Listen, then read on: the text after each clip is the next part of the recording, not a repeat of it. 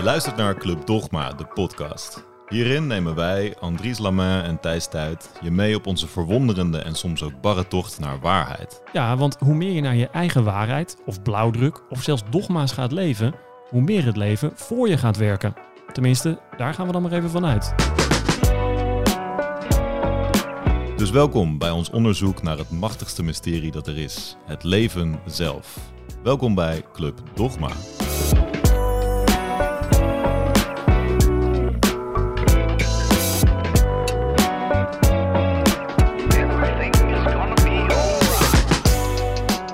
Dan zijn we weer terug bij de Club Dogma podcast nummer 8 alweer. We zijn een tijdje weg geweest.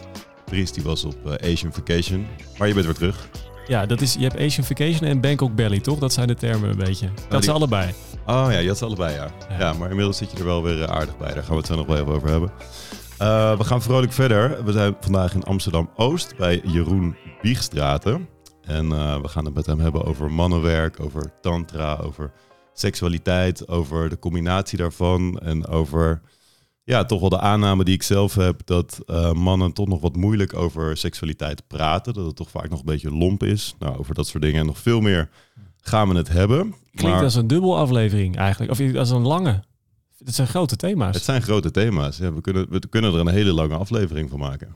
Kijken of dat gaat Ja, gebeuren. maar misschien kunnen we er ook heel compact en eh, bondig over zijn. Gewoon heel straight. dat is wel een ja, mooi, precies. Heel stellig ook. gewoon dat, dat past wel bij Club Dogma. Chuck. En een mooie mannelijke kwaliteit, denk ik. Dus, ehm, maar ja, waar we altijd Misschien mee wordt het wel een beginnen. hoop gezever. We gaan, we, gaan, we, gaan, we gaan wel kijken.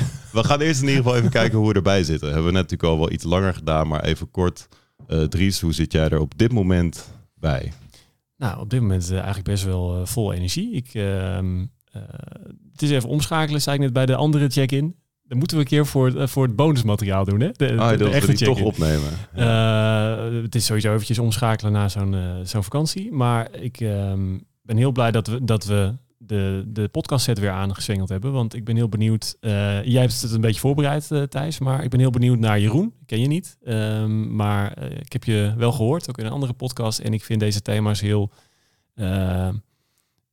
Heel, heel boeiend. En wat ik met mannenwerk zelf altijd... Het schuurt bij mij altijd ook een beetje ergens. Dat ik mijn plek in een mannengroep...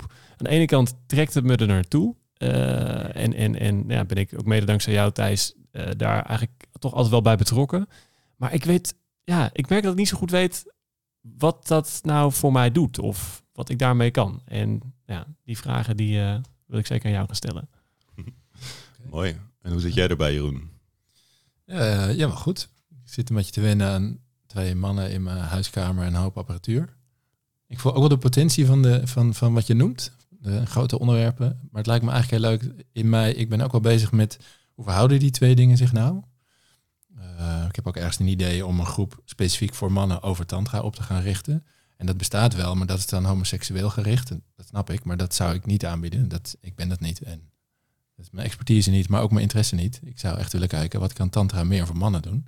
Dus ik vind het heel leuk om ja, vandaag eigenlijk eh, spits af te bijten over dit onderwerp. Dankjewel. En hoe ik er zelf bij zit is... eh, ja, ik voel, ik voel ineens een soort van toch... wat- ik krijg het wat warmer. Toch een beetje die opname, spanning of zo. Dat ik hier weer allemaal rode kleuren dat we aan het opnemen zijn. Maar ik vind het vooral ook heel leuk als ik zo dan naar jullie allebei kijk. Jeroen, waar we altijd mee beginnen is dat we... Het is natuurlijk de Club Dogma podcast. En eh, iedereen gaat met de billen bloot. eh, wat betreft zijn of haar dogma's. Heb jij die ook? Ja, leuk. Ik moest namelijk echt even opzoeken wat het precies is. Want ik ken het alleen maar uit een soort connotatie waar ik weerstand tegen voelde. Van dogma's, dogma's, dat is nou net waar het niet over moet gaan. En ik weet dat jij daarmee bezig bent, dus ik dacht, nou, daar moet iets intelligents in zitten. Ehm, en in ieder geval waar ik achter kwam, is dat het een soort opvatting is die onbetwistbaar is. Waar je niet, eh, als je bijvoorbeeld volger van een religie bent, aan mag, eh, aan mag zitten. Mag je niet ter discussie stellen. En dat roept mijn weerstand op. En denk, ja, doei, dat ga ik niet doen. Ehm, maar toen ik een beetje zat voor te bereiden, dacht ik, nou, er zijn wel dingen die ik heel sterk voel en heel sterk geloof. En die ik ondersteun in mijn trainingen bijvoorbeeld. Eh, en een van de dingen die ik heel helder heb, is dat we allemaal, mannen, vrouwen, wie dan ook, allemaal heel verschillend zijn en precies hetzelfde. En dat dat gegeven echt goed benutten heel interessant is voor mensenleven. We zijn allemaal hetzelfde op zoek naar liefde, geluk, fijne seks, eh, geld voor mijn part, bevrediging, goede verbinding. Maar de vorm waarin we dat willen en de voorkeuren die we daarin hebben, die maken ons wel uniek. En die zijn weer heel verschillend. En dat spel is volgens mij waar wij mensen de hele dag in uithangen. En als we dat goed spelen, spelen is niet helemaal het goede woord, want het is ook wel echt. Maar als we daar virtuoos in zijn en onze weg in vinden, uh, ja, dan wordt het leven echt heel erg leuk en interessant van. Ja, En, mooi. en is dat eigenlijk een tegenstelling? Dat we dus, dat we dus en hetzelfde en, en heel verschillend zijn? Zeg maar, is, dat, is dat iets wat ons misschien in het dagelijks leven ook wel eens kan verwarren? Want verbinding is gegeven eigenlijk, maar we denken ons zo vaak gescheiden. Hoe, hoe verhouden die zich dan tot elkaar? Ik denk dat we dit vaak als tegenstelling ervaren. Bijvoorbeeld ehm, in de politiek noemen we het. We hebben net verkiezingen gehad en dan gaat het erg over... Ja, wij vinden dit, wij vinden dat. En dan is het verschil ook heel nuttig. Maar op menselijk niveau is het volgens mij voor de verbinding en voor een goed en fijn leven heel relevant om te zien dat we ook heel veel hetzelfde zijn. Ja. En daar kan je dan elkaar vinden. En om een klein beetje vooruit te lopen op het onderwerp, in seks is dat bijvoorbeeld super belangrijk. Je kan met iemand vrijen en denken we moeten hetzelfde leuk vinden. Maar dat is toch maar heel zeldzaam. En als je kunt gaan genieten van het feit van, oh ja, we willen allebei fijne seks. En hoe wil jij het en hoe wil ik het? En dat kan een creatieve stroom worden. Ja, dan heb je eigenlijk veel betere seks. Dat is een mooie cliffhanger voor straks. Veelbelovend. Ja, dat is veelbelovend. En ook mooi dat jouw kijk op het woord dogma ook dan enigszins veranderd is, als ik je zo uh, goed begrijp. Ja, ik hou wel van het idee dat je op een gegeven moment in je leven of in een leer of ergens kunt zeggen, hé, hey, maar dit blijft maar de hele tijd overeind. Ja. Maar dat is eigenlijk niet omdat ik het heb besloten of omdat iemand anders het me tegen heeft gezegd. Maar omdat ik echt voel, ja, hier kom ik de hele tijd terug. Ja, het is voor jou waar. Het is echt proefondervindelijk. Ja, ja ik Ja. krijg er helemaal kippenvel van. Dit is precies dus de essentie van waarom het Club Dogma heet. Ja. Dus dat iets gewoon zo diep in jezelf verankerd zit, wat je steeds weer tegenkomt, dat het gewoon onomstotelijk waar is. Ja. ja en dat er geen boek of geen guru of wie dan ook dat eh, kan betwisten. Ja. Is Leuk. Nog leuk. een vraagje daarover. Zijn er veel, veel dogma's, dan dus hè, nu met, met die definitie, eh, rondom tantra? Ja, misschien eigenlijk meer eh, het beeld wat mensen erbij hebben. Klopt het beeld een beetje dat mensen hebben van tantra? Ja, als je me nou zou zien, dan zie je dat ik heel vragend kijk. Want ik weet natuurlijk helemaal niet wat voor beeld mensen Nee, allemaal van tantra ja. hebben. Maar als je het standaardbeeld hier in Nederland neemt, dan komt het woord seks er al snel bij. En dan zijn daar wel beelden over. Ehm, noem er een. Eh, nou ja, überhaupt dat tantra puur over seks gaat. Ja, nee, dat is niet waar. Dat eh, heb ik dan van Thijs geleerd. Ja. Dat zegt hij altijd, dat hij niet Ja. op seksweek gaat, als hij naar de tantra Nee, dat, gaat. dat probeer ik juist te ontkrachten inderdaad. Ja. Dat iedereen dan denkt dat ik op seksvakantie ga, terwijl ik daar gewoon een week mijn, mijn diepste ellende aan het aankijken ben ongeveer. Nou ja, het is niet En je grootste waar, glorie hopelijk. En mijn grootste glorie, precies. Ja, die krijg je er dan ook bij. Ehm, ik denk dat we het hier straks ook nog wel over gaan hebben, Dries. Dus ik denk dat het fijn is om even nog Jeroen iets verder te, pardon, te introduceren. Ik ken jou namelijk van vier jaar geleden, geloof ik, bij de, van de Lions Roar. Toen had je een mooi drieluik van tantra met taekwondo. Dat sprak mij heel erg aan. Dus de, dus de zachte kant, eh, de gevoelige kant en gewoon lekker rammen. Dus ik vond het fantastisch dat je dan... Ja, dan stond je eerst tien minuten iemand gewoon eh, met, met kussens helemaal eh, de tering in te slaan, zeg maar. En dan een minuut later zat je elkaar dan zwetend te vertellen wat liefde voor jou betekent. Ja, ik vond het echt geniaal. Ja, dat was super gaaf. Ehm, nou, bij Mannenkracht eh, ben ik ook veel geweest bij het platform wat, wat jij nu runt. Je hebt me nog Ehm, een dag geholpen ook zelfs. dagje geassisteerd Ja. nog. We hebben nog filmpjes gemaakt. Ja. Ehm, introductieweek bij het Center voor Tantra onder jouw bezielende leiding geweest in december 2021. Ehm, maar ik ben vooral benieuwd, hoe stel je jezelf vandaag de dag voor?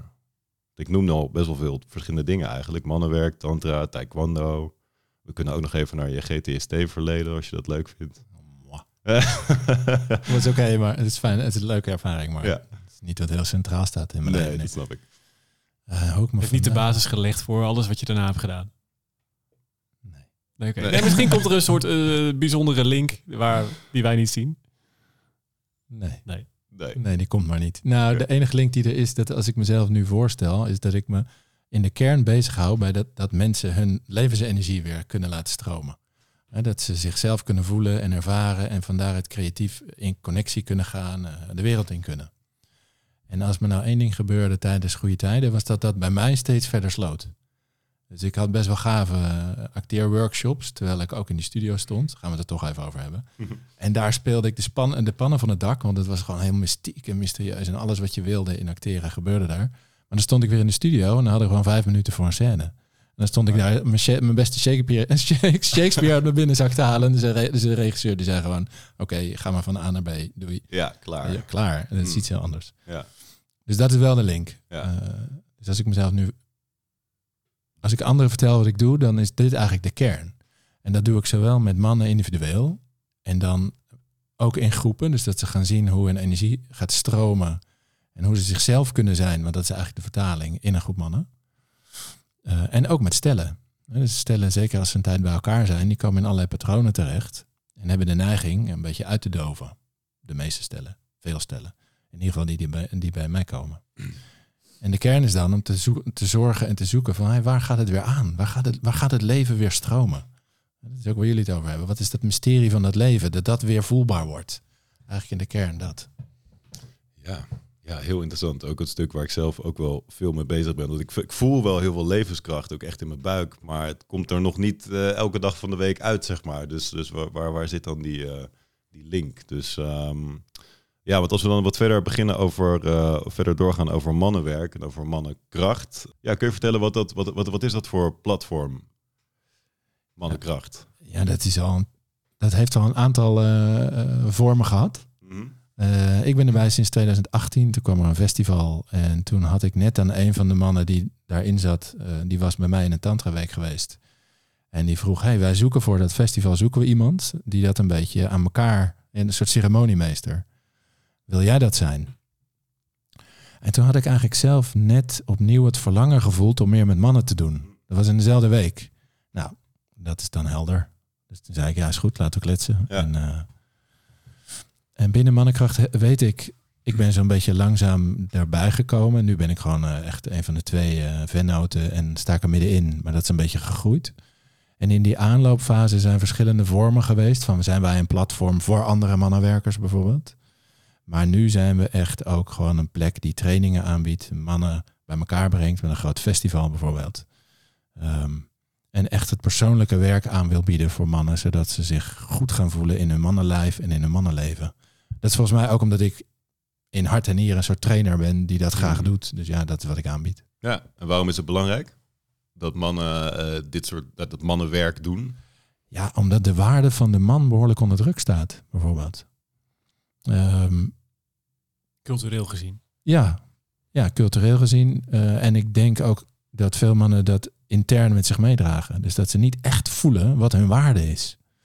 En dat die dan ook nog eens via de maatschappelijke dingen van een aantal mannen die dingen heel onhandig doen ook, eh, die dan in het nieuws komen, dat dat heel erg naar binnen kan slaan van, ah ja, hmm, er is toch iets niet helemaal oké met ons.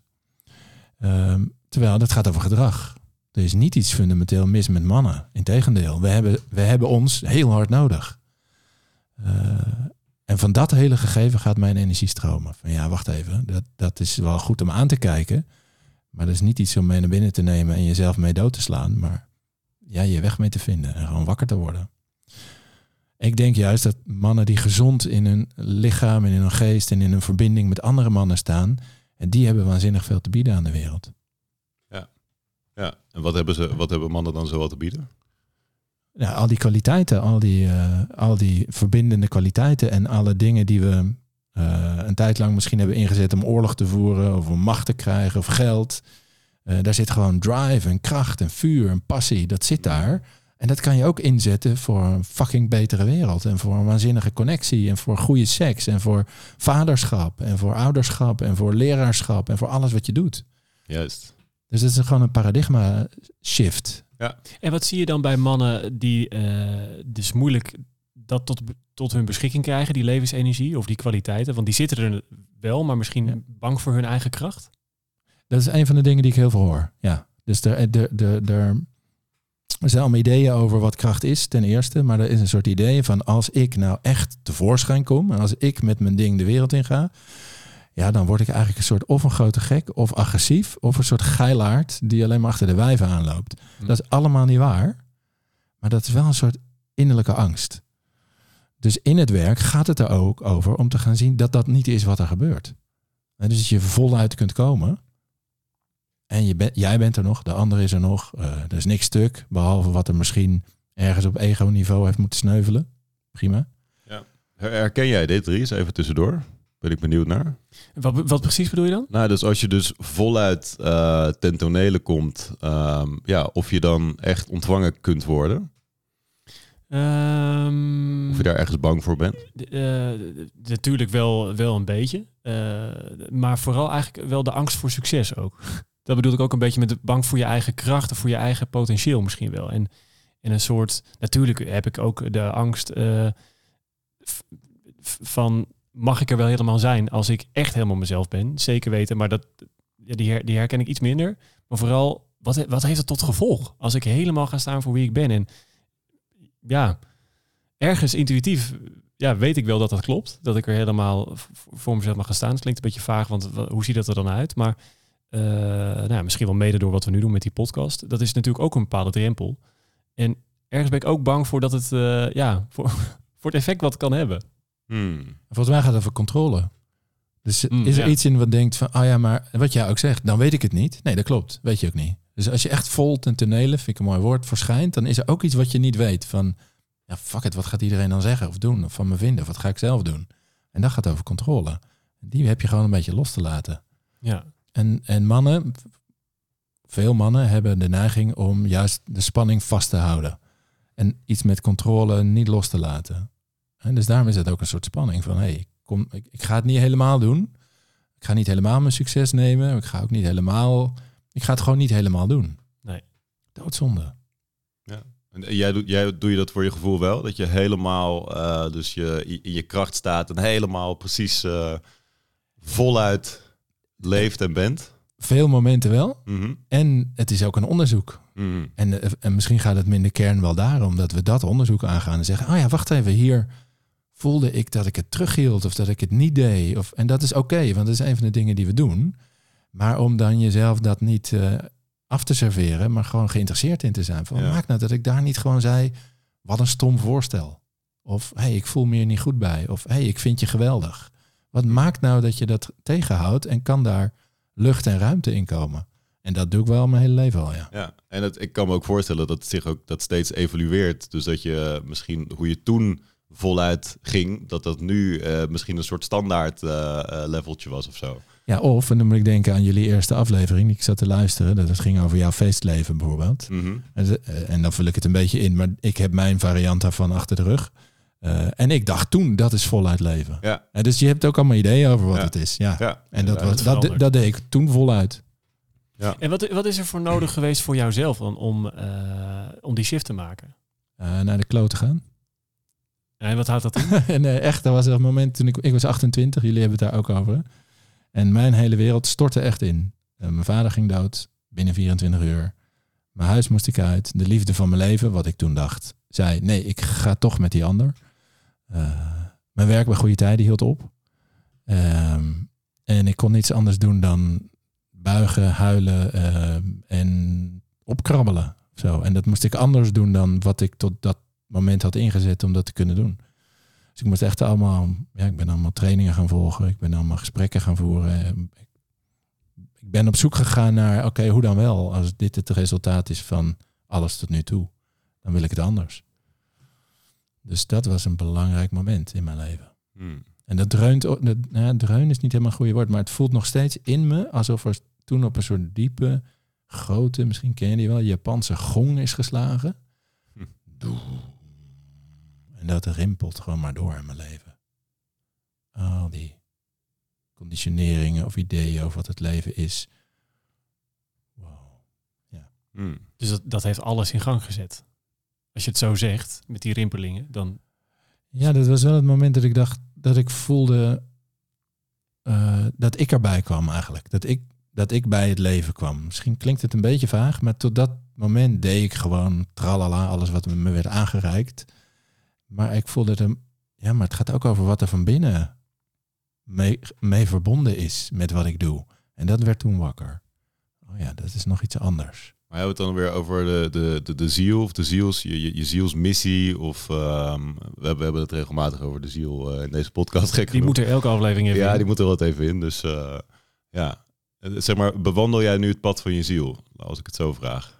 Oh ja, dat is een andere vraag. Want het antwoord op je eerste vraag is meer dat ik voelde dat mijn levensenergie niet verbonden was met wat ik deed. Mm -hmm.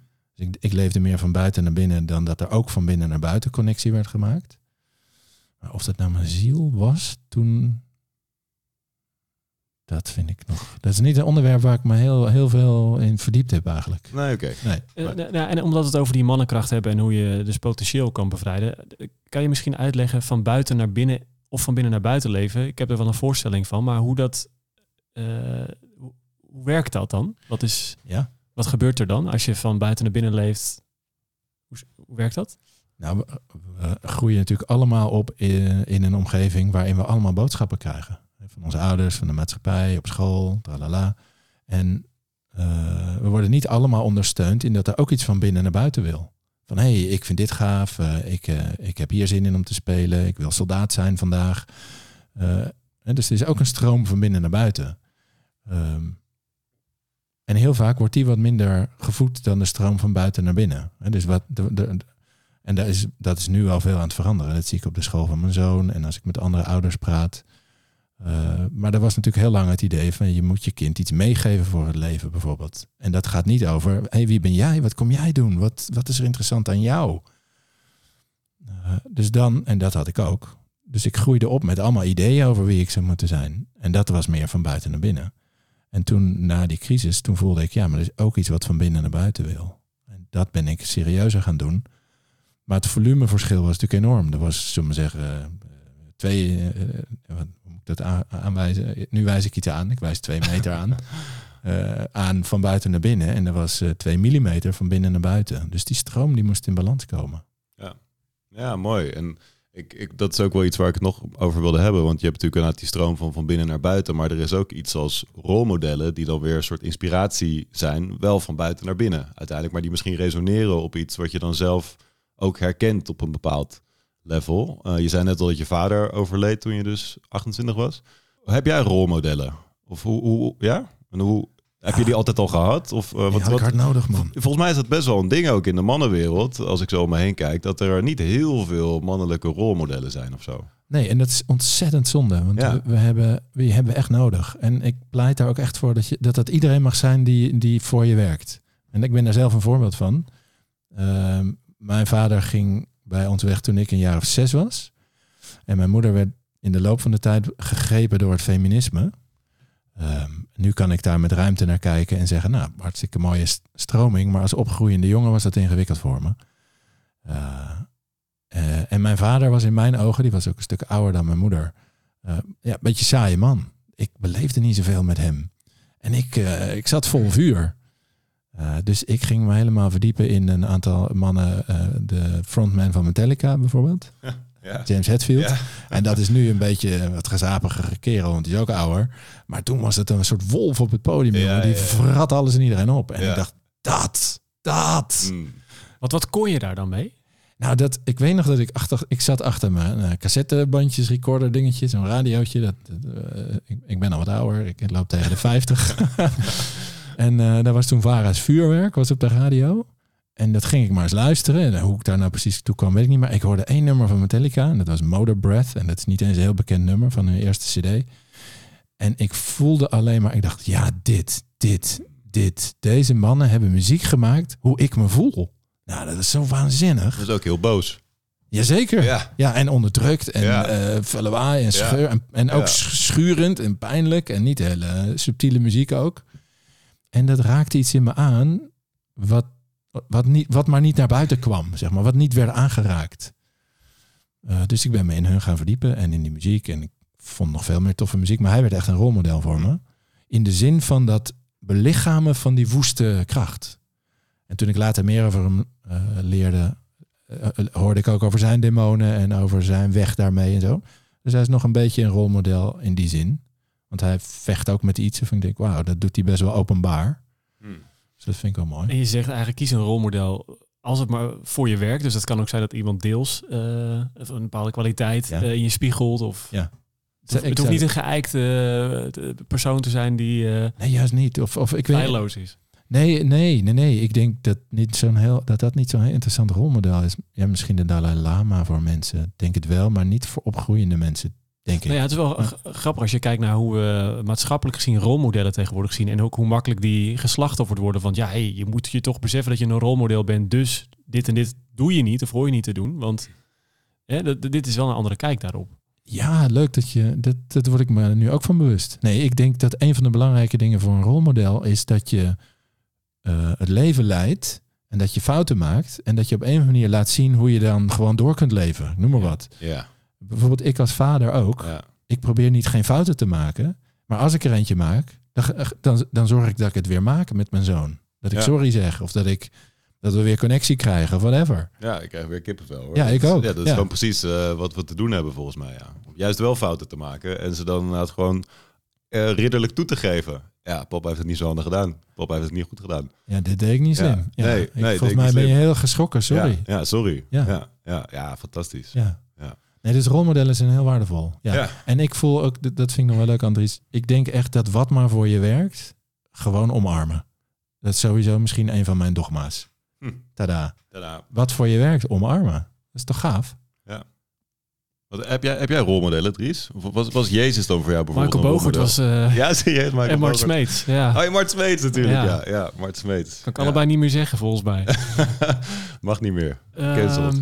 Nou ja, we hebben het van tevoren ook even over gehad. Van, eh, rolmodellen misschien vandaag de dag. Dat vind ik inderdaad ook wel lastig. Ik heb niet, Mhm. niet heel erg een, een- een, man voor ogen van... Oh ja, zo, ja, eh, hoe die het leven leeft, ja, dat, daar trek ik me aan op of zo. Mhm. dat, dat mis ik wel een beetje. Maar vroeger Ja. had ik wel posters aan de muur, ja. Dat bedoel je niet? Nou ja, dat, dat was, was bijvoorbeeld James Hetfield ook bij Jeroen. Eh, had je dan posters van, van zangers of weet ik veel aan de muur? Nee, ik had eh, Lance Armstrong en Michael Bogert aan de Ja, muur. Serieus. Ja, Ja. En, en ergens is dat ook wel... eh, hebben, heeft dat wel echt een, een, een, een grote functie gehad in mijn jeugd inderdaad. Hm. Super belangrijk. Want Ja. ik, eh, dat heldendom op een bepaalde manier, dat, eh, dat, hè, dat, dat moet je later ook wel een beetje uitfilteren. Eh, nu zit ik met Michael Bogert in een commentaarcabine. Dan moet ik Ja. het niet meer op die manier bekijken natuurlijk. Maar ehm, het is ook voor mij een, een, eh, een manier van ja, eh, groot dromen of zo zelf. Dus je beperkt je niet tot hoe, hoe je zelf bent. Dus alles is mogelijk. Dat roept het ook helemaal op of zo. Ja. Zo'n rolmodel. Ja, ik vind het ook wel mooi wat, wat Janet zegt, Jeroen. Dat rolmodellen ook gewoon mensen zijn en dus fouten maken. Ik merkte dat het daar bij mij eigenlijk vaak misging. Dat als ik dan een rolmodel had en dat die dan toch iets deed wat niet helemaal eh, in dat plaatje paste, dat ik hem dan toch ook best wel snel weer afschreef. En dat ik dacht van, oh ja, maar dat is het dan dus ook niet. Maar dat is ook een patroon wat ik dan bij mezelf ken. eh, dat ik mezelf dan toch weer alleen maak eigenlijk. En me dus dan niet weer echt verbind eh, met iemand. Ehm, en dat vind ik ook wel weer grappig en ook wel spannend om te zeggen. Wat ik ook in die eh Jong Tantra Week toen tegen jou heb gezegd. Dat jij voor mij een soort rolmodel bent. Op een bepaald vlak. Hè? Iemand die gewoon het, het pad bewandelt wat ik ook aan het bewandelen ben. Maar dan nog een, eh, een stukje terug. Ehm, ja, dus ik, hoe, En hoe- hoe, hoe is dat voor je? Ja, ik merk dat ik het spannend vind om dat te zeggen. Ja, ik dat snap ik. Maar hoe, was, dat gegeven dat er iemand is naar wie jij dan kan kijken van... hé, hey, op dit pad is er iemand die is ja, nou daar. Of, Het is, het is aan de ene kant is het heel fijn, omdat er dus, ehm, omdat ik dus dan eh, ook mijn inspiratie daaruit kan halen en, en ook mezelf een beetje kan spiegelen aan iemand van hey, hoe doet diegene dat? Ehm, maar ik merk ook dat ik het heel spannend vind, omdat ik het altijd in mijn eentje heb gedaan. En, en, en dus ook dat ik het dan weer spannend vind van, oh ja, maar wat als Jeroen straks iets heel gek zegt of iets heel stoms doet, ja, dan ben ik het weer kwijt of zo. Eh, dus, dus ik merk dat ik mezelf daar ook een beetje voor een bescherming neem. Ja. Want dan ben je het kwijt omdat je de, die ervaring hebt in het verleden met rolmodellen. Dat Ja, het allemaal precies. moet kloppen. Ja, ja, maar dus ik snap eigenlijk heel goed wat je zegt, omdat ik ook nu zelf natuurlijk vader ben en dus ook een rolmodel ben eh, van nature. Dat het ook heel normaal en fijn is om ook gewoon fouten te maken. Ja, hè, hè. En maar volgens mij is dit de kern van wat er, waar mannenwerk ook over gaat, maar waar we in dat werk nog een beetje schuchter over doen. Het is als man waanzinnig fijn en belangrijk dat er ook mannen zijn die je ziet en denkt, hé, hey, maar zo, zo, oh ja, zo. Dat vind ik mooi. Dat vind ik een inspirerende man. Ja. Dat, dat die lijn is, die is heel gezond en nuttig. Ja. Maar die hebben we eruit geknipt. Die, is, die, die, is, die zit in onze maatschappij niet per se gezond ingebakken, zou ik maar zeggen. Eh, en dat is wel voor mij heel erg belangrijk in het mannenwerk. Gewoon ga op zoek naar mannen die je inspireren. Dat is fantastisch. Mhm. Ja, ja, jij bent natuurlijk bij Eldward Jackson geweest, hè, bij- Ja, The man. Work. Van, Ja. eh, van echt, als je die documentaire The Work nog niet gezien hebt, ga hem echt alsjeblieft kijken. Het is fantastisch. Een groep Uh, nou, jij kan misschien beter vertellen. Ja, het is een groep ja. gevangenen uh, die gaan hun persoonlijke werk doen. Die gaan hun schaduw aankijken. en die, daar staat een camera op. En die zijn daar echt bloedje eerlijk, maar zo toegewijd en zo liefdevol. En dan halen ze daar ook nog burgers bij. Dat zijn burgers, hè? Mm. die komen van buiten. Um, en ze, gaan, ze zijn helemaal dienstbaar aan het proces van, van de waarheid. Van wat leeft er in je en we zijn er voor je. En we gaan, we gaan doen wat er nodig is, zeggen ze dan. En ik had die dvd gezien en ik had tranen over mijn wangen van herkenning. Van dat, die manier van betrokken zijn bij elkaars groei. Gewoon straight, maar zo omarmend. Dat ik ze gemaild heb. Ik zei, uh, hey, uh, als ik ooit mee kan doen, hm. laat me weten. Nou, een tijd niks gehoord. En dat was interessant, want ik was er helemaal vol van. Ik dacht, dat wil ik. En toen kreeg ik een mailtje van, hey, er is een cirkel in San Francisco. Als je wil, kan je komen. En toen gingen al mijn dingen aan van, hmm. waarom niet?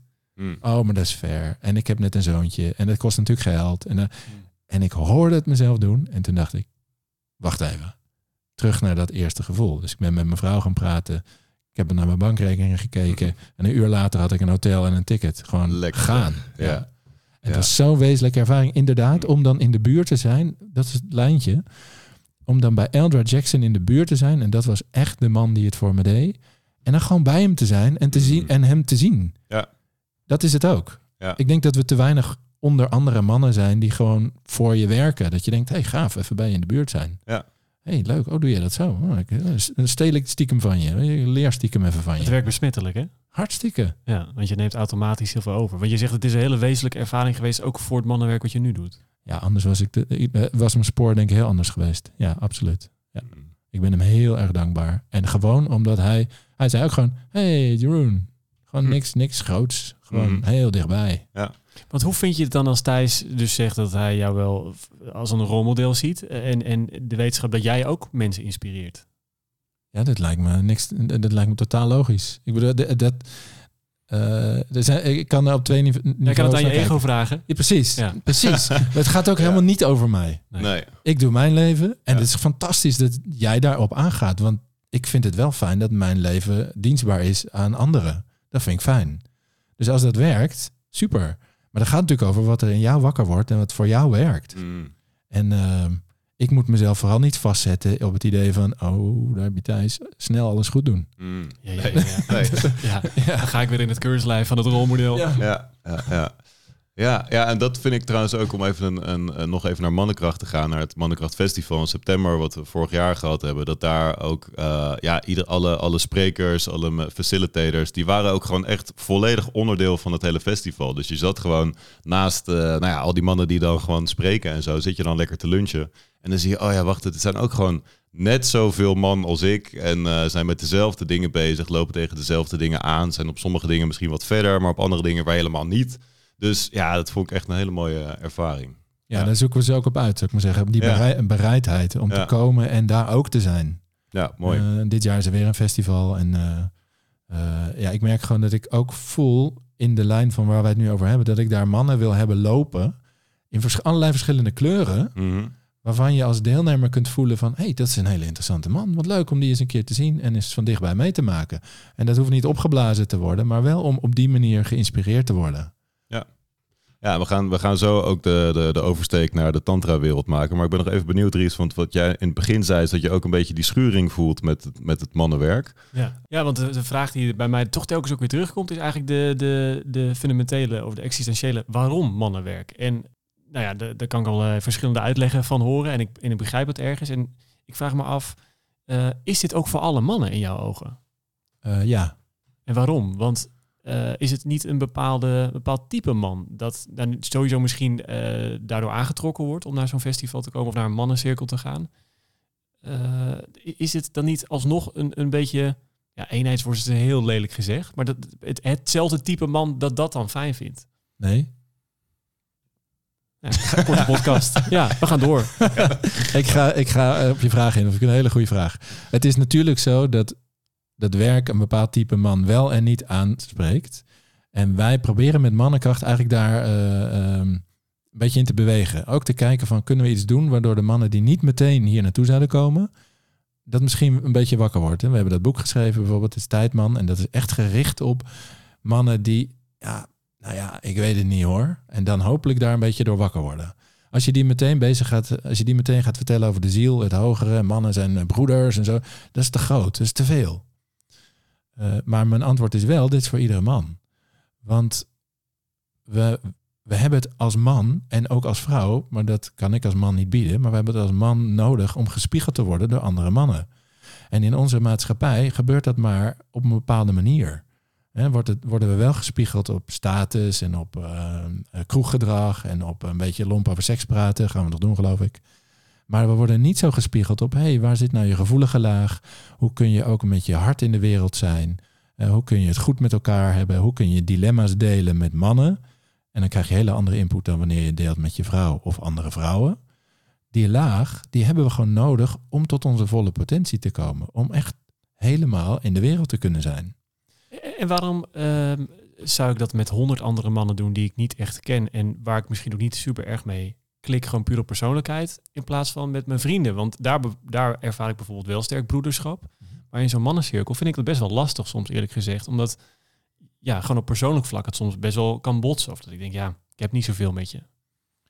Nou, ten eerste heb jij gewoon een hele gave vriendengroep, vriendengroep volgens mij. En dat is veel waard. Dat is gewoon niet, dat heel veel mannen hebben dat helemaal niet. Die hebben niet een vanzelfsprekende groep mannen waar ze gewoon even naar uitreiken. Dus die zij zitten s'avonds bijvoorbeeld thuis en dan voelen ze zich over die dag eigenlijk helemaal niet fijn. Nou, dan gaan ze maar Netflix aanzetten. Ja. En daar is niks mis mee. Maar als, je, als dat je enige antwoord is op omgaan met je gevoelens, dan, dan mis je natuurlijk iets. Dus dat, dus dat is echt een platform wat dat betreft, om een soort ja, kennis te maken met. Ja, en om dat te gaan ontdekken van, oh ja, maar als ik er met iemand over ga praten, gebeurt er iets anders. Dan gaat het leven weer door en dan. En het gaat niet over, hé, uh, hey, vertel, uh, nou, dan moet je gewoon zus of zo doen, dat iemand je een tip gaat geven. Mm. Maar gewoon je hart luchten. Ja. En als je dat alleen maar, als je een partner hebt en je doet het alleen met je partner, dan wordt dat heel veel druk in die relatie. Je moet gewoon ook af en toe even met iemand anders erover hebben. En dat gebeurt veel. Dat, dat mannen alleen bij hun, ja. hun vriendin, hun vrouw. ja, en zelfs dat misschien niet eens. En zelfs dat niet. Ja, ja. ja. Uh, dat, ik, ik hoor dat nu ook in de mannengroep die ik zelf dan host. Dat ook veel mannen daar gewoon, ja, die, die hebben het dan ineens over, over thema's als seksualiteit of over wat dan ook, waar ze het gewoon met niemand over hebben. Gewoon met niemand. En ik kan me dat inmiddels niet meer voorstellen, omdat ik al een paar jaar meeloop in deze wereld. Maar dus ik denk dat wij inderdaad ook een fijne vriendengroep hebben wat dat betreft. Maar dat is voor heel veel mannen niet zo. Ja. En dan, en, en, en, en wat ik ook leuk vind wat je zegt, Andries, is... Uh, ja, maar dan voel ik me niet zo thuis of dan gaat het botsen. En denk, yes. En daar is het werk ook voor. Want anders ga je, daar kun je over leren. Mm. hey, hoe ga ik nou om met iemand met wie het niet stroomt? Hoe ga ik om met iemand die, die ik irritant vind? Ja. En dat, probeer, dat proberen we de, door de dag heen toch al uit te sleutelen. Maar als je dat in een veilige setting is wat kunt gaan onderzoeken, dat is eigenlijk heel interessant. Dan blijkt je daar gewoon de weg in te kunnen vinden met elkaar. En op een andere manier dan, nou, uh, fuck you, ik heb niks met je te maken. Mm. Ja, want dat, dat, dat commitment wat erbij zit, dat, dat spreekt me ook heel erg aan. Want het is ook, het is ook een beetje een experimentele omgeving. Ja, is zo ervaar ook. ik het zo'n mannencirkel. Ja. Mm. Dus het is ook, het, het, het, is echt het schuren, wat ik zei. Ja. Het trekt me er naartoe, maar ik merk ook, en dat probeer ik bij mezelf te onderzoeken, ik, ik stap er ook misschien soms nog niet met twee benen in. En Mm. waarom doe ik dat dan? Nou ja, Ja, ik zie te ook maken. in de, in de loop der jaren, we, we hebben natuurlijk veel ook mannenwerk samen gedaan, dat je daar wel echt heel erg in gegroeid bent. Dat je ook volgens mij heel veel gegeven heeft als ik je zo eh, Ja, nee, zeker. Ja, ja, ja. Heel veel. Maar stel je, stel je eens het volgende voor. Dat je op zou groeien. Dat je vader je op jouw zestiende verjaardag mee zou nemen naar een mannencirkel. Zegt, hé, hey, dit bestaat ook. Ja, ik heb weer, weer kippenvel. Kijk, daar gaan Ja. we weer. Ja. Dus eh, ja, Dat zegt iets over dat het niet op die manier is ingebakken in hoe wij opgroeien. En nog steeds niet. En het komt er steeds meer bij. Maar dat zou eigenlijk een hele gezonde stap zijn. mhm. Kijk, dit is de mannenwereld. Hier kun je met elkaar delen, hier kun je met elkaar stoeien. Hier kun je elkaar ook weer gedag zeggen en eh, even loslaten. Dat is wat het mannenwerk, waar het ook in voorziet. Gewoon in een hele gezonde ja. sociale kring en een goede mannenwereld. ja, en in een veilige setting. Want ik denk dat veel mannen dit van de kleedkamer natuurlijk wel herkennen, van de kroeg. Maar dat is toch net een beetje anders. Ja. Ja. We gaan wel even, ik ga een mooi bruggetje maken. Want veel mannen die eh, het mannenwerk doen, die in mijn beleving in ieder geval, die gaan op, uiteindelijk ook door met eh, tantra.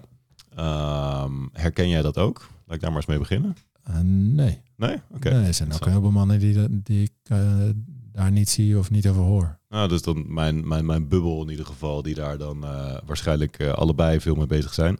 Maar Tantra, Jeroen, wat, wat is dat nou ook alweer precies? Voor de draad ermee. Ja, wat, wat is het nou ook alweer precies? Wauw, even shiften. Ja, het is Even ergens shiften. ook niks. Het is ook ergens niet iets anders. Het tantra gaat in de kern over je levensenergie kunnen voelen en laten stromen en eh, mee in de wereld zijn, maar je er ook bewust van zijn. Het is niet als een dolle door het leven gaan en eh, het leven als een rollercoaster, maar ook wat we noemen je aanwezigheid daarbij te hebben. Eh, dat je, dat je eh, ja, wat ik zeg, dat je er bewust van bent van wat je doet, wat je meemaakt. Eh, in hele stille momenten, maar ook hele intense momenten en alles ertussenin. Ja, ja hoe, hoe, hoe jullie toen in die training die ik toen eh, bij het Center voor Tantra bij jou heb gedaan, omschreven was de sensuele snelweg naar verlichting. Ja. Sta je daar nog steeds eh, achter? Ja, en sensueel in de zin van dat, je, dat het een hele eh, lichaamsgerichte Precies. Ja, dus niet, niet seksueel, maar een sensuele reis. Ja, en Ja. seksueel is een onderdeel van sensualiteit. Ja. Of is een, is een, is een Vorm. een vorm of een deel waar dat ook speelt. Maar sensueel in de zin van senses. Je zintuigen zijn de portals, de poorten van je ervaring. Daar zijn we de hele dag door niet mee bezig, maar in Tantra wel. Dat je eigenlijk het leven tot je neemt via je zintuigen. En als die openstaan, dan neem je dus iets heel anders waar dan wanneer daar delen van gesloten zijn. Mhm. Eh, dus Tantra gaat voor een heel groot deel over om je receptiviteit van het leven en jezelf daarin verder te openen. Het, klinkt alsof daar dus vooral eh, heel veel practice, eh, dat, dat er heel veel lichaamswerk, lichaamsoefeningen Ja, zijn om dat meer te doen. Is dat... eh, ja en ook eh, oefeningen over contact en over bewustzijn. En, dus er zit meditatie in, maar er zitten ook hele explosieve, zullen we maar zeggen, hele uitnodigende, energieke dingen in en alles ertussenin. Ja. Ja. heb je daar zelf een, een dagelijks ritme voor eh, Hmm. om dat te beoefenen? Ja, eh, al moet ik wel zeggen dat het meer en meer gewoon door mijn leven heen verweven zit. Eh, dus ik heb tijden dat ik heel bewust, weet ik veel, zes uur opsta en een soort practice doe. En dan meestal verglijdt dat ook weer een beetje en dan laat ik dat ook weer gebeuren, want daar ontstaat weer iets nieuws uit. Ehm, en nu heb ik meer een tijd dat ik het gewoon echt zo doe op het moment zoals vanmorgen. Dat ik echt voel hoe ontroerd ik ben over mijn zoontje. Dat ik ook echt even voor ga zitten om dat gevoel helemaal te hebben om dat niet over te slaan, maar echt tien minuten te gaan zitten en te voelen van, oh, wat ben ik toch ontroerd door dat ventje. En echt even de, de tranen over mijn wangen te laten lopen en mijn geluk te proeven, want dat is het. En, en dan, ja, nou ja, voor ik het weet ga ik het hier zitten doen, maar daar voel ik van, oh ja, dan zit, daar, dan zit tantra al zo'n tijd in mijn leven dat ik dat moment gewoon vanzelfsprekend ook ervaar. Maar je zou dus ook kunnen zeggen dat je van Tantra eigenlijk heel fijngevoelig wordt. Ja, je wordt er wel gevoelig van, ja. Ja. Ja, en je wordt er ook, want de meeste mensen worden daar een beetje bang van. Van ja, dan word ik een soort dweperig iemand of zo. Maar je wordt er ook heel kordaat van. Want als je beter aanvoelt wat een situatie voor je is, dan kan je ook veel beter ingrijpen als dat nodig is. Of handelen of eh, je creatieve bijdrage leveren. Maar als je het doet op een soort strak systeem of een norm, ja, dan ben je meestal ook niet zo creatief. Nee, en tegelijkertijd, wat ik ook veel omheen zie, is dat veel mensen die met Tantra bezig zijn ook eh, meer in het overspannen veld zich eh, begeven of zo. Of dus dat is in ieder geval wat ik zelf, Ja. wat ik zelf om, om me heen zie. Omdat het ook, omdat je zo fijngevoelig wordt, ook prikkels gewoon veel meer binnenkomen. En ook gewoon de, ja, de, de, de westerse drukke maatschappij zoals we hem hier hebben. Ja, jij woont in Amsterdam. Ehm, ja, dat dat voor veel mensen toch eigenlijk misschien dan wel te heftig wordt eigenlijk. Omdat hij daar niet op is ingesteld. Ja, dat vind ik interessant. Ja, ik heb zelf het idee dat, het, dat er dan eh, alleen een bepaalde kant van tantra wordt beoefend. En dat is het steeds zachter en poreuzer worden. Mhm. Maar het is net zo belangrijk om je volle kracht en je stevigheid en je directheid ook helemaal te omarmen. En als dat wegvalt, dan, dan, dan wordt de wereld misschien een beetje overweldigend. Maar als je dat er gewoon weer bij neemt, is er helemaal niks aan de hand. Ja, dan gaat het ook over begrenzen en dus ook gewoon goed Tuurlijk. voor jezelf zorgen. Ja. En ook, ja, precies. Het Maar klinkt dat het heel erg gaat eh, over nergens aan voorbij leven. En, dan, en, dan, Ja. dan bouw je dus ook die rugkracht op. Tuurlijk. Ja. ja.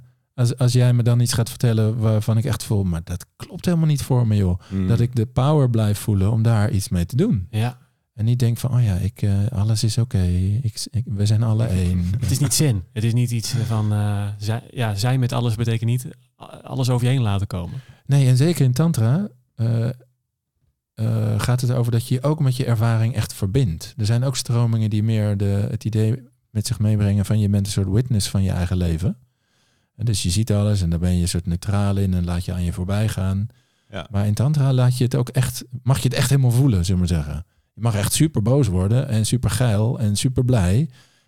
Maar zonder helemaal in een soort uh, maffigheid uit te komen, zou ik maar zeggen. Dit zeg ik niet helemaal goed. Dit kan ik nog beter zeggen. Maar Nou, maar ik, ik snap wel goed wat je bedoelt. Eh, en, en dat is ook iets waar ik zelf heel erg van aanga. Van die, die pure eerlijkheid. En dat echt zijn met wat er is. En dat niet eh, al je verlangens eh, wegmediteren. Maar er juist eigenlijk op te springen. En die draken proberen. Nou, niet eens te temmen misschien. Maar gewoon erop te gaan vliegen. ja, En eh, ja, dat vind ik super vet. Dat is, eh, ik vind dat ook veel leuker. Gewoon, ik heb ook wel veel Vipassana gedaan en dan gewoon stilte meditatie. Ook heel waardevol, maar heel anders. Gewoon, ja, veel minder in het leven, veel minder echt, veel minder eh, in contact ook. Ja. en wat doet dit voor jou in, jou, in jouw dagelijks leven? Want zo'n zo'n week kan me voorstellen dat het super intens is. Maar ga je dan nu altijd je boosheid uitleven en altijd je Nou, geilheid uitleven? nee, je moest eens weten. Maar eh, ik voel sowieso dus meer levenskracht. Dus meer, meer eh, creatieve energie, meer seksuele energie. Maar ik voel me ook inderdaad een stuk steviger. Ik kan me veel beter uitspreken. Ik kan veel beter zeggen als ik, eh, als ik ja, ergens eigenlijk gewoon niet helemaal comfortabel mee ben. En nog steeds niet altijd hoor. Dus als ik, als ik jou dat net hoor zeggen, mag ik daar ook nog steeds wel wat steviger in worden. Om dus daarin ook nog beter voor mezelf te zorgen. Maar ik, ik ben gewoon veel meer bij mezelf eigenlijk. Ja, dat voelt supergoed. En even over uitleven, want dat, dat, is, dat is precies waar Tantra over gaat. Je gaat het niet uitleven, maar je mag het wel voelen. En daar, heb, daar is dus iets te leren. Het gaat er niet om van, hé, hey, jij zegt iets tegen mij, dus ik mag super pissig op je worden. Maar ik, mag, ik hoef het ook niet weg te stoppen. Nee. De, daarvoor moet, eh, lieve luisteraars, daarvoor moet je een training komen volgen van hoe doe je dat dan? Maar dat is een mogelijkheid. Dat je je eigen ervaring helemaal kunt nemen, maar nog steeds ook gewoon in het contact goed kunt handelen, creatief kunt zijn, verbindend kunt zijn en eerlijk en open. Ja. En ook dat je verlangens er allemaal mogen zijn zonder dat ze dus ingewilligd hoeven te worden. Maar dat, je er wel, dat ze er wel echt mogen zijn, dat je ze ook mag uitspreken en dat je ze ook dan weer kan toe-eigenen. Wat dan ook een hele mooie stap is. Dus ik, ik, mijn verlangen is zo, zo, zo, zo, zo. Of je me dat nou kan geven of niet. En in die beweging zit voor mij ook heel veel levenskracht om dat toe te eigenen. Van, oh ja, ik wil dat. En ja, dat, dat brandende verlangen is eigenlijk vaak misschien nog wel leuker dan het daadwerkelijk inwilligen van dat verlangen. Is ook zo interessant. yes, yes, yes. Dat is heel interessant. Ja. Ja, En, welke rol speelt meditatie erin? Want uiteindelijk klinkt het toch weer vooral als het opmerken van, van je verlangens, van je boosheid, van je verdriet. eh, toch? Ja, ja dat zijn eigenlijk twee pijlers. Eh, dus de meditatie en de levenskracht, even zo gezegd. In het Tantra noemen we dat Shakti en Shiva. Eh, en die moeten gelijk op. Moeten, moeten, maar de, de balans daartussen eh, helpt. Ja. En dus hoe meer je, eh, eh, hoe meer je bewust aanwezig kunt zijn, zullen we maar zeggen, dan hoe meer je de levensenergie door je heen kunt laten stromen. Dat je niet helemaal zelf in een soort bezurk terechtkomt omdat je een keer kwaad wordt, maar echt kunt voelen van, oh, zo voelt kwaadheid. Oeh, wow, zo hé.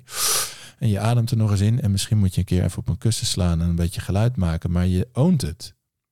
En als je het niet, als je, daar zit je aanwezigheid. En hoe meer je die laat toe, toelaat, hoe meer je er weer van kan hebben. Dat is een hele mooie dans. Ehm, en waarom gaf ik dit antwoord? Nou ja, omdat het mijn vraag was, dankjewel. Wat was ja, oké, goed zo. We gaan gewoon helemaal goed. Oh ja, wat jij zegt Thijs, nog één ding. En dat is waarom mijn hart voor tantra heel hard klopt, ook in deze tijd. Het is zo'n mooi antwoord op, eh, even plat gezegd, onze neiging om te consumeren. En dat we de planeet toch echt wel nu met z'n allen ja, echt heel veel van vragen. En tantra geeft een ander antwoord op al die verlangens en al die zin om het leven, om iets te creëren en Hmm. wat je graag wil. En dat is ook allemaal heel prachtig. Maar ik denk dat we met z'n allen moeten constateren dat als we dat allemaal gaan doen, dat dat niet lukt.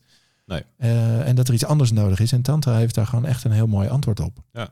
Ik denk ook als iedereen gewoon meer zou, alleen al zal mediteren of meer bij zichzelf eh, naar binnen zou gaan, dat de wereld er al vanzelf heel anders uit gaat zien. Dat we daar niet zoveel voor hoeven te doen. Maar ja, dat is weer een heel ander verhaal. Waar ik nog wel benieuwd naar was, is dat je ook zei over eh, dat je een speciale tantra training week, weet ik veel, voor mannen wilde gaan, wilde gaan doen. Ja. Dus is dat al, is dat al iets concreets? Of waar, komt die, eh, dat, die Nou, behoefte nog, vandaan? is nog in de borrelfase, maar ik kreeg wel een paar aanvragen van... hey, ik eh, heb nu tantra gedaan en ik zoek eigenlijk een tantrische mannengroep. Dus niet een gewone mannengroep, maar een mannengroep die zich ook hiermee bezighoudt. Dus op deze manier. Ik denk dat een beetje goede mannengroep best wel veel tantrische kwaliteit al in zich heeft. Van waarheid en verbinding. Maar dat je dat nog wel kunt verdiepen via gewoon tantrische teachings. Mhm. Dus het idee wat nu in me aan het borrelen is van... eh, eh, hey, hoe ga ik dat vormgeven eigenlijk? Wat, wat is nou de beste vorm daarvoor? Maar dus, eh, lijkt het dan op die, die Lions Roar die we toen vier jaar geleden gedaan hebben in een combinatie met Taekwondo? Dat was ook met alleen maar mannen. Ik geloof een mannetje of 30, 40 of zo in een bokschool hier in eh, Noord. Super vet. Ehm, maar is het dan, moet ik aan zoiets denken? Ik denk nog dat, dat element, daar hou ik erg van. Hè? Want een van de dingen waar ik sowieso veel mee bezig ben... om die kracht te blijven genereren en aan te bieden is vechtsport. Dus Mhm. dat doe ik al heel lang en dat blijf ik leuk vinden. Dus dat zal ik altijd aanbieden, want daar zit veel van mijn liefde. Eh, maar eh, ik zou er ook nog wel meer een, een soort zachtere vorm... niet alleen in de bokschool willen uithangen. Dus dat we het hele palet bestrijken. Ja. Eh, maar wel zoiets, ja. Een aantal middagen denk ik aan. Vijf middagen of zo. Ja, maar wat is dan nog het verschil met mannenkracht? Want op zich is die omgangsvorm daar met elkaar, zou je kunnen zeggen, ook heel tantrisch. Ja, wel, maar... niet, niet met dat jasje aan misschien. Nee, precies. Het helpt dan toch ook om het iets specifieker te maken en misschien nog een aantal teachings er echt in te brengen. Ja. Bijvoorbeeld over wat zijn nou. ehm, en in Tantra werken we ook met het idee van masculine en feminine kwaliteiten. En even voor de helderheid, wij hebben allemaal al die kwaliteiten, mannen, vrouwen en iedereen die zich anders identificeert. Ehm, en dan kan het weer helpen om daar helder over te zijn. Gewoon even voor het onderzoek onderscheid te maken. Mhm. Oké, ga eens die hele masculine dingen, ga dat eens onderzoeken. Die hele feminine dingen, ga dat eens onderzoeken. Ehm, en in de Lions Roar en dan, eh, deden vooral die masculine dingen voorop. Ik zou het ook even terug moeten halen. Ehm, maar in die groep ze- eh, eh, dan kan het ook helpen om echt hele tantrische principes daarover in te brengen. En daar gaat mannenkracht dan niet over. Nee, precies. Ja, want een thema wat, wat natuurlijk wel onlosmakelijk verbonden is met eh, tantra, en misschien ook wel met mannen, is seksualiteit. Ja, wat, wat heeft tantra in jouw seksualiteit veranderd? Misschien, ja, daar ben ik wel benieuwd naar. Ja, leuke vraag. Nou, een paar dingen die meteen opkomen is mijn doelgerichtheid. Hè, Dus vanuit mijn lijf was er veel zin om klaar te komen en veel vuur in te brengen en snel en hard en eh, waar. Ehm, en ik heb allerlei bevrediging gevonden op andere plekken. Dat is misschien wel de grootste. Ehm, en wat ik recent veel meer aan het ontdekken ben, is ook echt nog veel meer te genieten van de verschillen tussen mij en mijn partner. Ehm, en nou, ik denk wel dat, dat dat met het eerste ook te maken heeft. Er komt gewoon alleen maar meer ruimte in mijn seksualiteit. Dat, dat is gewoon ongoing. Hmm. Dus het, het blijft zich evolueren eigenlijk. Ja. Ja, oké. Ja. En hoeveel jaar is die evaluatie al eh, gaande? Ja, misschien al eh, sinds, dat je, sinds dat je 13 bent, maar... eh, het is eerst heel erg verkrampt geweest. Maar ik- sinds ik tantra doe, dus in 2007 liep ik ergens binnen. Dus, ja. Oké. Ik hoor ook veel mannen in die mannengroep van mij van, van hè, die hebben dan ook eh, in seksualiteit lopen ze dan ook wel tegen dingen aan dat eh, die vrouw die wordt allemaal langzaam en in verbinding en ademen en ehm, veel mannen hebben daar toch eh, nog wat, wat frictie op. Ja, wat zou je tegen die mannen wi- willen zeggen? Ik zou willen zeggen dat alles wat je eh, wil is helemaal oké. Hm. Tenzij je iemand bewust pijn gaat doen. Hè, dus alles wat je wil waar je allebei wel eh, ja tegen zegt, is behoorlijk oké. Is, is, is normaal. We kunnen veel ideeën hebben over dat iets niet meer oké zou zijn. Dus ja, als je als man lekker wil neuken, even plat gezegd, dat is ook gewoon helemaal oké. De vraag is natuurlijk of, je, eh, of dat voor die ander ook precies is wat die wil en hoe je daar uitkomt. En ik denk wel dat veel mannen dan een soort ehm, afslag nemen van nou, dan ga ik wel iemand zoeken die dat wel wil. Of dan hou ik die drang wel in, dan hou ik mijn lust wel in.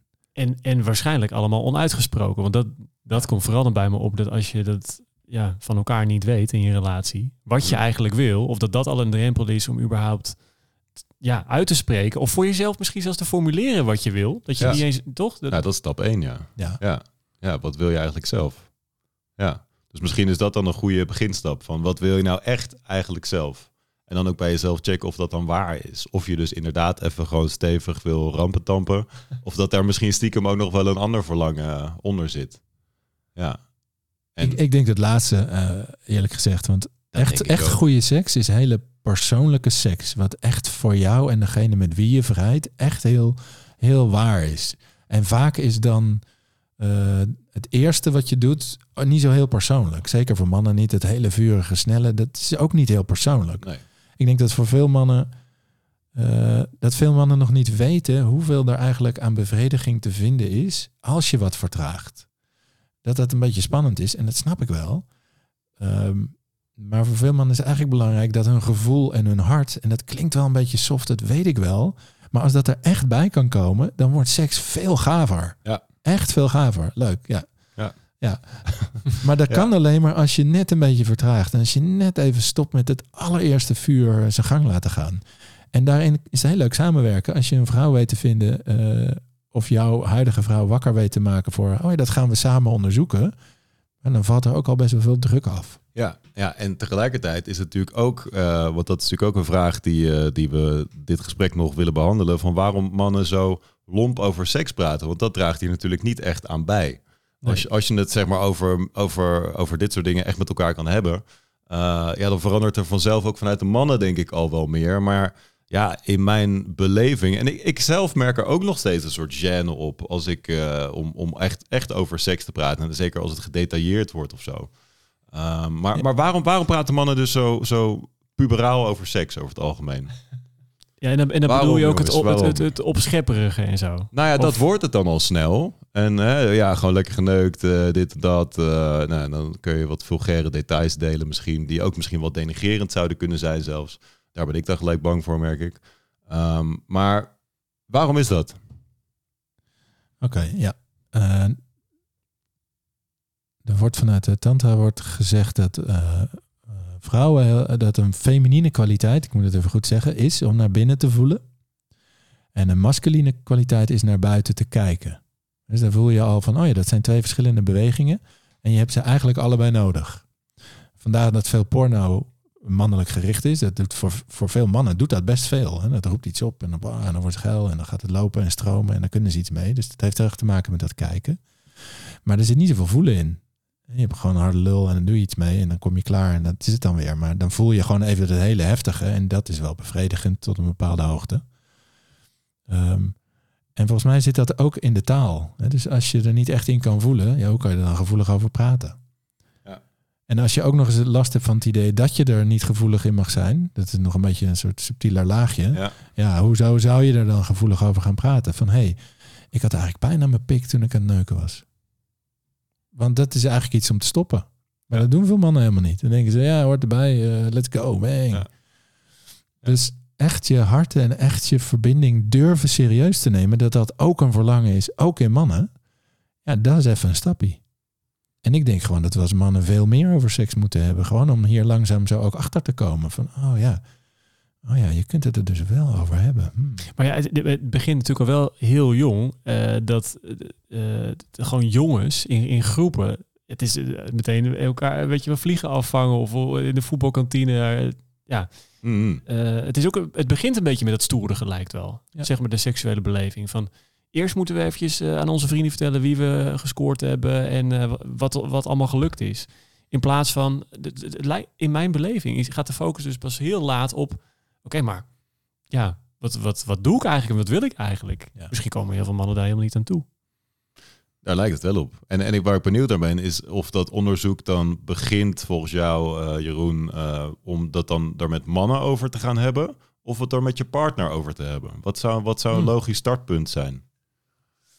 Ja, goede vraag. Dat vind ik een leuke vraag, ja. En het gevaar van met je partner over te, over te hebben, of gevaar, maar eh dat is niet altijd makkelijk om open over seks te praten met je partner als je net begint. Mhm. Want dan, ga, dan, ja, dan, als je een beetje eerlijk probeert te zijn en degene die zit te luisteren is daar erg bij betrokken en is het belangrijk voor, Ja. als je zegt van ja, wat zij dan eigenlijk allemaal doet, dat vind ik niet zo interessant, ik noem maar Ja. wat. Ja, dat is ook niet zo lekker om te horen. Eh, dus dat zou je een beetje in moeten fragiel, ja. Ja, ja, als mijn vrouw tegen mij zou zeggen van nou, je bent nou zo twee, drie jaar met me aan het vrijen, maar ik vind er eigenlijk geen bal aan. Best wel even Eh, slikken. wow, ja. Ja. ja. Dus ik raad het wel aan om eens een andere man in de arm te nemen en te zeggen van hey, het is misschien een gekke vraag, maar zullen we het eens over seks hebben? Wat maak Ja. jij mee? Wat maak ik mee? Ja. Dat zou ik wel aanraden, ja. Ja. En dan gewoon een kerel die je een beetje vertrouwt. Ja, en, en wat vind je van de, eh, de kwalifi- het kwalificeren van seks als, als goede of middelmatig? Of, eh, dat gebeurt natuurlijk ook heel erg snel. En ik snap Mhm. wel dat er een verschil is tussen eh, goede en slechte seks. Maar is dat niet ook juist deel, deel van het probleem? Dat het vaak is, ja, dit was, eh, dit was niks. En, eh, Ja, ik denk dat het probleem ontstaat als het daar dan zou stoppen. Dus als het een soort of een of je plakt het dus op iemand met wie je hebt gevreden van ja, met haar is het niks. Zij is niet goed. zij is niet goed in bed, zoiets. Dat, dat, dat, zijn, dat zijn woorden die volgens mij niet behulpzaam zijn. Maar als je durft te kijken naar van wat maakte die seks dan niet zo fijn? En hoe kan het fijner? En die vraag is echt een gouden vraag, beste luisteraars. Dus de enige, eigenlijk de enige vraag die je over seks de hele tijd zou mogen stellen, wat mij betreft, is hoe kan dit nou fijner? Niet waarom gaat het mis, maar hoe kan dit fijner? En als je dat als minnaars bij elkaar in beeld krijgt en daarover durft te gaan praten en daarover helder durft te worden. En misschien is praten niet het ding, maar je legt dus een hand wel ergens neer of je legt hem niet neer. En je bent met elkaar op onderzoek, hoe kan het fijner? Ja, dan ben je achter een waanzinnige stap aan het maken. Want wel één ding, moet ik eerlijk zeggen, veel mannen willen wel goede seks, maar zijn eigenlijk nog niet helemaal bereid om daarvoor te doen wat er voor nodig is. En daar is wel iets voor, voor nodig. Het is niet vanzelf altijd goed. Dat is gewoon niet zo. Mm. Ja. Ja, interessant. En ik denk eigenlijk, Dries, als ik zo naar onze gespreksgeschiedenis over seks kijk, is die ook best wel dun. Ja, denk wij- ook, ja. Misschien ja. moeten wij het daar ook eens over hebben. Dat gaan we zeker doen. Met of zonder microfoons. En maar het is ook leuk. beginnen zonder. We beginnen zonder, oké. Ja, maar het is ook heel leuk, man. En dat eh, vind ik voor iedereen ook wel belangrijk om te horen. Ook al gaat het. eh, Er is ook geen dogma over dat je het niet ook af en toe lomp over seks zou mogen ja, hebben. zeker. Er zit ook Ja. een soort energie in van wow, ja, ik heb gewoon lekker geneukt, ik noem maar wat. Alleen het gaat weer over van. En als je dan aan de ander vraagt, hey, en hoe was het voor je? Kun je dan antwoord geven? Mhm. Of blijf je hangen in het stoere gedoe? Ja. Eh, Dus, dus eh, ik zou zeker met seks opletten op de, om, om helemaal eigenlijk niks fout te maken. Over alles te zeggen, wauw, er zit lekkere energie. En ja, hoe is het met de rest? Mhm. En wel, als we het dan over dingen die dan, nou ja, in mijn beleving toch misschien een beetje fout zijn. Dat is toch, klinkt wel oordelend. Maar bijvoorbeeld porno kijken. Hoe kijk jij porno? Niet meer eigenlijk. Dat is, eh, eh, ik heb dat een tijd veel gedaan. Mhm.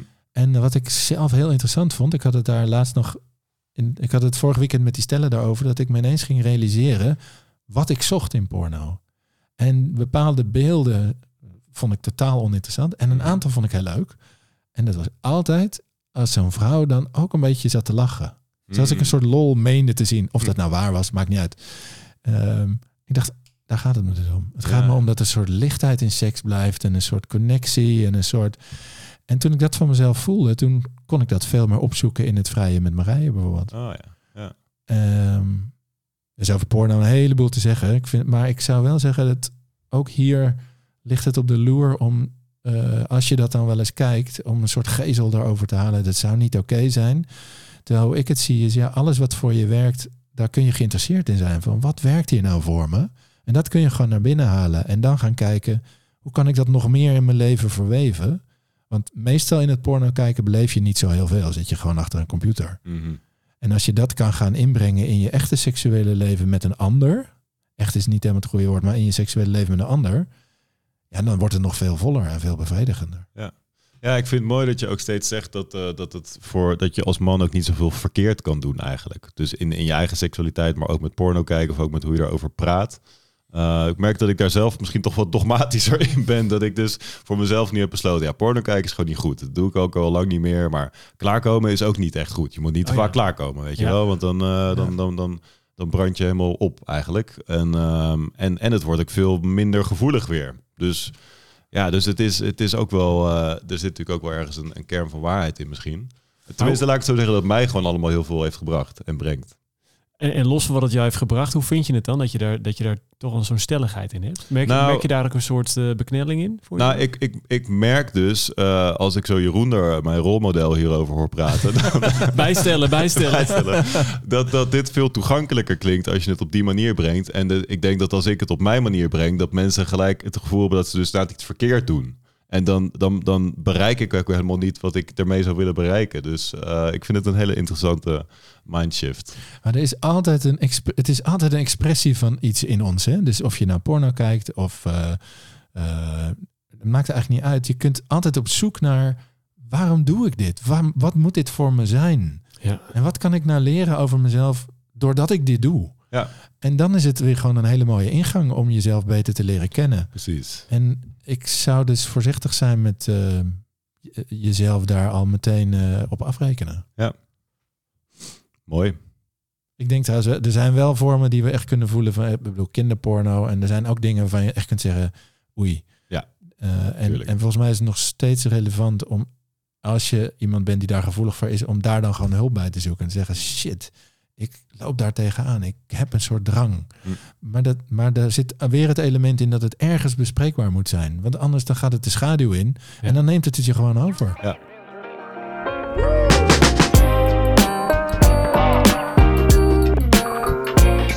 Nou, we hebben het nu een tijdje over seksualiteit, eh, Jeroen. Eh, jij stelde net al heel mooi de vraag van hoe kun je het nou fijner maken? Hoe kun je in het, in het algemeen nou je seksleven fijner maken?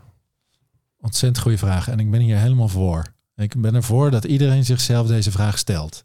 Ten eerste, hey, hoe kan ik nou mijn seksleven fijner maken? Want dan neem je een soort ownership. Hmm. Eh, Want een van de dingen van seks is, het is van jou persoonlijk. We projecteren het helemaal op die ander. Hè. Die moet lekker zijn, die moet goed zijn. Maar het is van jou. Hè. Jij moet erachter zien te komen, wat is voor mij fijn? Nou, en een van de eerste dingen die ik met me in de trainingen die ik met mijn vrouw aan stellen geef, is zeggen: maak er bewust tijd voor. Nou, dat ligt een beetje aan welke fase je zit met iemand. Als je iemand aan het leren kennen bent, dan werkt het misschien een beetje anders dan wanneer je al langer bij elkaar bent. Maar maak bewust tijd voor vrijen, voor seks. En laat het niet maar gewoon gebeuren of niet gebeuren, want dat creëert allerlei spanning in ons. Zeker als je zin in seks hebt, kan het heel erg helpen. Dat dat, zo werkt het voor mij. Als ik weet, zaterdagavond ga ik lekker vrijen. Nou, als ik dan vrijdag zin heb en mijn vrouw niet, dan is dat niet meer zo relevant. Dan kom ik niet in een soort stress van, ja, maar wanneer gaan we dan nog eens een keer seks hebben, verdomme? Ja. Zaterdagavond. Maar als het dan weer geen zin heeft? Da- dan, stap twee, hij gaat altijd door. Oké. En dan wordt vrijen dus wel iets wat je een beetje anders gaat benaderen. En het woord het Nederlandse woord vrijen is een mooi woord, want het gaat over vrij zijn. Dan begin je gewoon met bijvoorbeeld even in te checken. Dus je begint niet meteen met eh, overal aan te zitten. Maar je kijkt elkaar eens in de ogen, je zet een muziekje op. Ik zou sowieso altijd voor zorgen dat de ruimte waar je gaat vrijen fijn is. Mhm. Dus wij leggen dan, eh, als je hier nu, als je onze, als je zou zien waar wij nu zitten in mijn woonkamer, ligt ook allemaal Lego en er staan spelletjes. Daar daar ruimen we op of daar leggen we een doek overheen. Wij vrijen heel vaak in de woonkamer namelijk. En dan zorg je dat het fijn is, dat er fijne muziek is, dat, het, dat de, de temperatuur fijn is. Eh, en dan kijk je elkaar aan en dan doe je een soort incheck van, hey, hoe zit je erbij? Maar dat is mooi, want doordat je echt een afspraak maakt, kan je die randvoorwaarden ook Ja, creëren. Ik bedoel, als het allemaal maar gewoon een beetje gebeurt op het moment, ja, dan, dan, dan kan je in de vluchtigheid nog eh, een kaarsje aanzetten. Of, eh, maar dit, dit is heel mooi eigenlijk, Ja. want je het heeft ook wel iets gewijds haast. Ja, dat wordt het ook. Ja, mooi dat je het zegt, want dat is het voor mij ook. Eh, in Tantra buig je zelfs naar elkaar van... hé, hey, eh, dankjewel dat je dit met me wil doen. Eh, mag je weglaten, maar dat besef helpt wel heel erg. Hè? Dat is zomaar iemand die met je wil vrijen... omdat hij je leuk en lekker vindt. Nou, dat is toch te gek. Dat, dat heeft ook niet iedereen. Ik krijg ook veel mannen in mijn groepen... die hebben helemaal geen seks. Hm. Noem maar wat. Ja. En dan in het seks is het heel belangrijk... dat je je eigen lichaam goed blijft voelen... Dat slaan we heel vaak over. We willen vooral dat, eh, voelen of die ander het lekker vindt. Maar als die ander dat ook gaat doen, dan zit je eigenlijk in mekaars lichaam, even plat gezegd. Maar hoe voel je je eigen lichaam? En wat dan heel, heel, heel erg helpt, is gewoon goed en lekker doorademen en je eigen heupen een beetje bewegen. In het neuken beweeg je ze sowieso wel. Mhm. Maar in Tantra wordt dat gezien als eh, wat we noemen de adempomp. Dus onze energetische manier waarop ons lichaam eigenlijk een beetje, eigenlijk altijd wel in beweging is. Maar omdat we zoveel op stoelen zitten en eh, in auto's en zo, voelen we dat niet meer zo. Eh, Of we hebben spanning in ons onderrug. Maar er is een soort samenwerking tussen je adem en je bekken. En als je dat een beetje ontspannen op gang brengt. En je adem breng je er wat bij. En vanuit daar ga je elkaar ontmoeten, gebeurt er al iets heel anders. Ga je echt al heel anders vrijen. Want dan komt er meer gewoon van de levensenergie in de stroom. En dan ga je het wat minder doen vanuit de ideeën van, oh ja, we moeten langs A, we moeten langs B en ik moet bij haar ook nog C eh, doen. En dan moet zij bij mij toch wel een keertje D doen. dat komt losser. Gewoon door die adem en de beweging in je eigen lijf. Nou, dat zijn al hele mooie tips. Ik denk dat je er nog, nog, nog een heleboel meer hebt. Ik zal er nog wel eentje aan toevoegen die ik zelf ook heel leuk ja, vind. leuk. Is Ja, dat je? Nou, dat je met elkaar afspreekt dat je bijvoorbeeld een timertje zet van eh 10 minuten, eh, om, de, om de 10 minuten eigenlijk een timer zet. En dat je dan wisselt van rol van wie eigenlijk de lead heeft. Of dus dat je dus iedere, dat je dus 10 minuten krijgt om gewoon helemaal je verlangens te voelen. Ten eerste van wat wil ik nou eigenlijk? En ze dan ook te uiten. En dat die ander dan weer kan voelen van ja, wil ik dat dan ook echt eh, doen of niet? Uh, maar dat je dan daarna ook weer in een andere positie zit. En dat je dat, nou, dat kun je uren volhouden, kan ik je vertellen. En dat wordt echt, echt leuker en leuker en leuker. Dat vind ik een heel leuk spelletje eigenlijk om uh, te spelen. Ja, er is hier ontzettend veel te leren. Eigenlijk er is zoveel te ontdekken in seks. Dit is gewoon weer een zo'n heerlijk voorbeeld. Dus ik moet ook denken aan een van de oefeningen toen ik die leerde. Ik werd helemaal gek echt. Ik dacht, wauw, dat je dat je partner je aanraakt zoals ze zelf wil worden aangeraakt. Oh, ja, ook mooi, ja. En Ja. dat jij daarna haar aanraakt zoals jij zou willen worden aangeraakt. Dat is magnifiek ook. Ja. Dan word je helemaal gek gewoon. Ik werd helemaal leuk gek. Zo van wow. Dus er is een heleboel meer te ontdekken over seks dan wat, van, wat onze initiële, misschien vanuit biologie en maatschappij aangereikte stroom is. Het is zoveel meer. Ja. Dat laten we nu eigenlijk onbenut. Ik heb, Ja. ik heb nog één vraag. Ik, eh, de, je hebt het al deels een beetje verteld waarschijnlijk door die oefeningen. Maar is er ook een manier om meer zin te krijgen in seks? Goeie vraag, ja.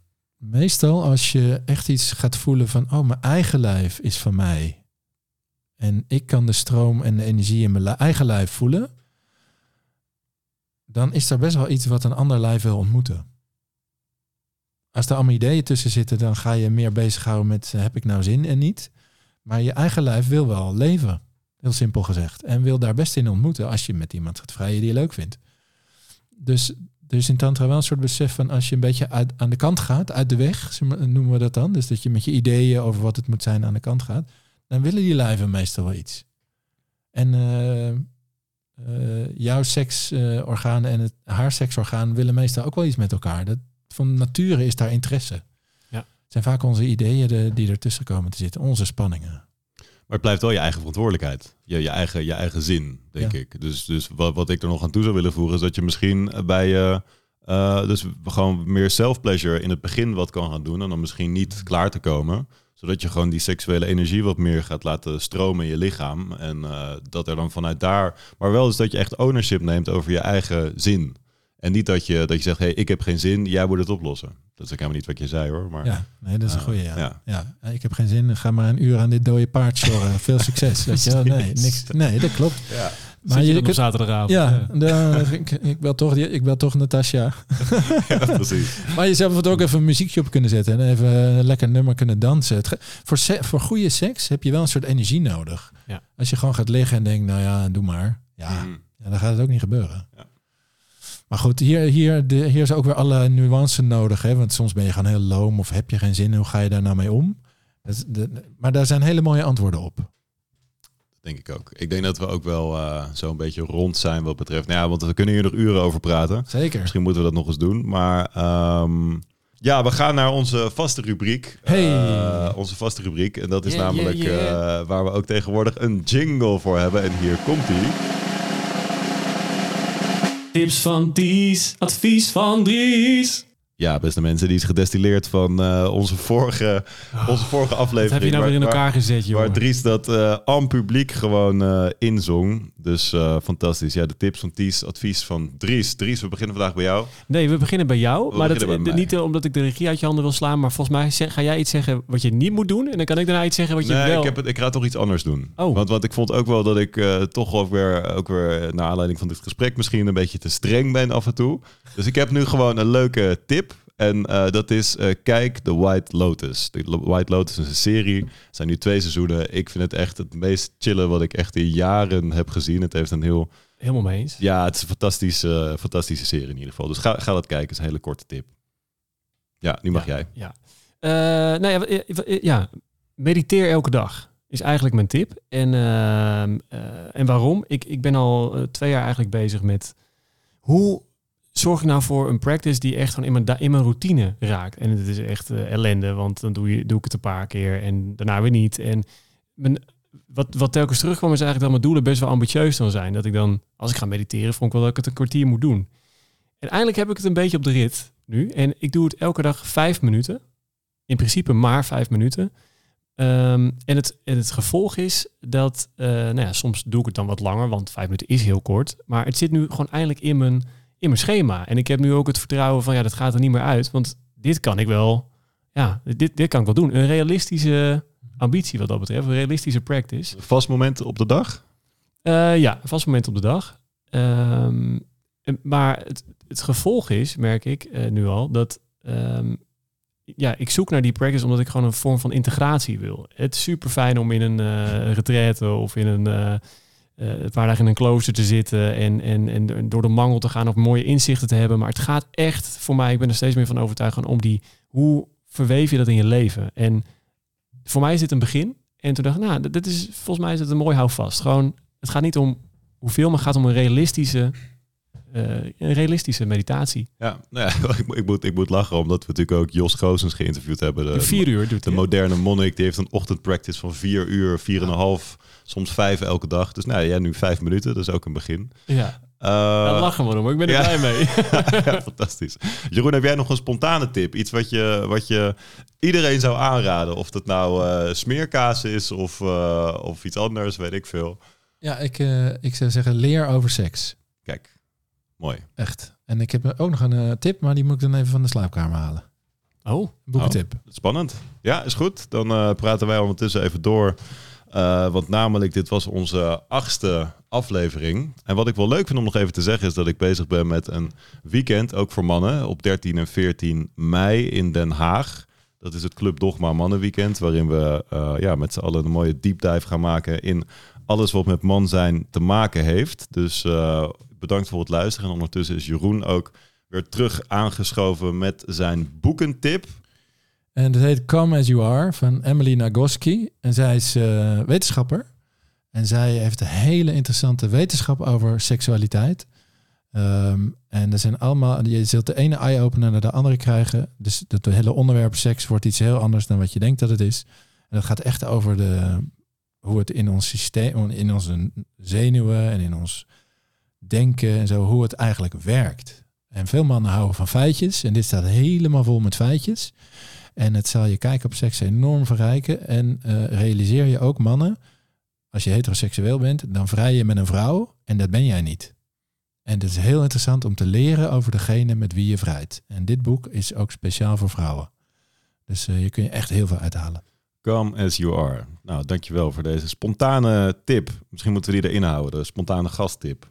Ja, Ja, ik vind het heerlijk. En Ja, sowieso boekentips zijn altijd goed. Ja, jij en Thijs, jij noemde het even dat weekend, hè? Maar wat, eh, waar kunnen mensen zich melden? Dat eh, kan via mijn Instagram bijvoorbeeld. eh Club Dogma of Thijs Duit. En ehm, dat staat nu nog niet online, maar dat zal de komende dagen wel ergens eh, het licht vinden. Eh, dat is tantra ook daar in dat weekend? Ja, er zit altijd natuurlijk een, een verweving van, eh, van, van dingen, eh, van dat soort dingen in. Ja. Maar ik laat het ook nog een beetje, een beetje geheimzinnig natuurlijk. Dus eh, spannend.